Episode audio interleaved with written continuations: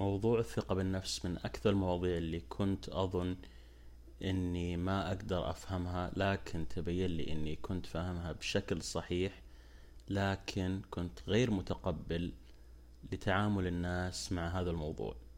كيف؟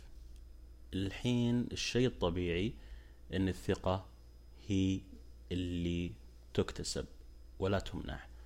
إن الشخص اللي يبغاك تثق فيه لابد يكون مستحق لهذه الثقة.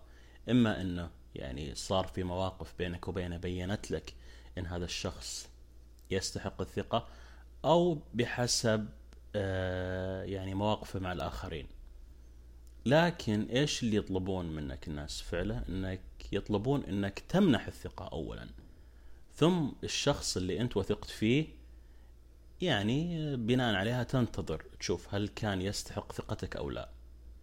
وطبعا إذا رفضت الشيء هذا راح يجلدونك باتهامات إنك إنسان شكاك إنسان مريض وغيرها يعني من الاتهامات واللي تكون كأنها ابتزاز حتى ترضخ للثقة بالآخرين بالغصب.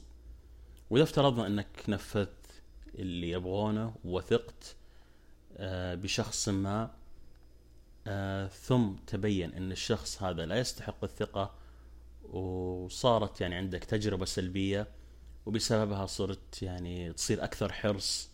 موضوع الثقة يبدو ان يتهمونك بأنك إنسان مريض بسبب هذا الموقف. يعني ما يعتبرون الموقف هذا كتبرير لك لا بيعتبرونه كحجة ضدك أنك صرت مريض لأن صار معك هذا الموقف. طبعا ليش ما أدري يعني يفكرون بالطريقة هذه. آه وهنا بيستخدمون كرت إضافي. اللي هو كرت عدم التعميم. بيقول لك على طول لا تعمم لابد تثق بالناس وأصابعكم سوا ولابد يعني تعيد التجربة. وإذا عدت التجربة وتكرر نفس الشيء بيقولوا لك كررها يعني. آه المهم بتكون أنت دائما الغلطان. إذا قررت إنك آه تكون حريص آه على طول بتكون أنت المخطئ. وحتى لو أبغى أعقد الموضوع أكثر حتى الشخص اللي تثق فيه أو اللي اكتسب الثقة مو شرط يكون شخص صادق. يعني ممكن يكون شخص مثل حتى يكتسب هذه الثقة. ممكن يكون شخص يعني آه يعني هو محتال آه وفعلا يعني تصرف تصرفات معينة حتى يكتسب الثقة ثم بعدين يظهر على حقيقته. أو حتى ممكن الشخص فعلا يكون يستحق الثقة في الوقت الحالي لكن ممكن بعدين يتغير. يعني مستحيل نقدر نثق بالبشر انهم ما يتغيرون. فعموما يعني لو تشعبنا بالموضوع ما راح نخلص. آه لكن طيب إيش الحل؟ الحل إن الإنسان يقنن الثقة. طبعا مستحيل إن الشخص ما يقدر آه يتعامل مع الناس. هذا الشيء مستحيل. فلا بد يتعامل معهم آه بحسب الأشخاص وبحسب الحالات. لأن ما في مقياس واحد نقدر نعممه على الجميع وعلى كل الحالات.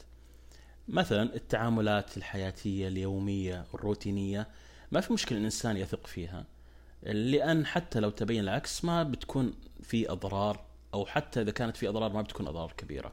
لكن الأشياء اللي ممكن تدمر الإنسان فهنا لا لابد يكون أكثر حرص. وطبعا كل ما زادت خطورة الأمر وأهميته كل ما كان المفترض الإنسان يعني آه، يقنن ثقته بشكل أكبر. آه، وإذا كان يقدر يحصل على ضمانات فليش لا؟ يعني وأوضح وأبسط مثال على هذا هي التعاملات المالية.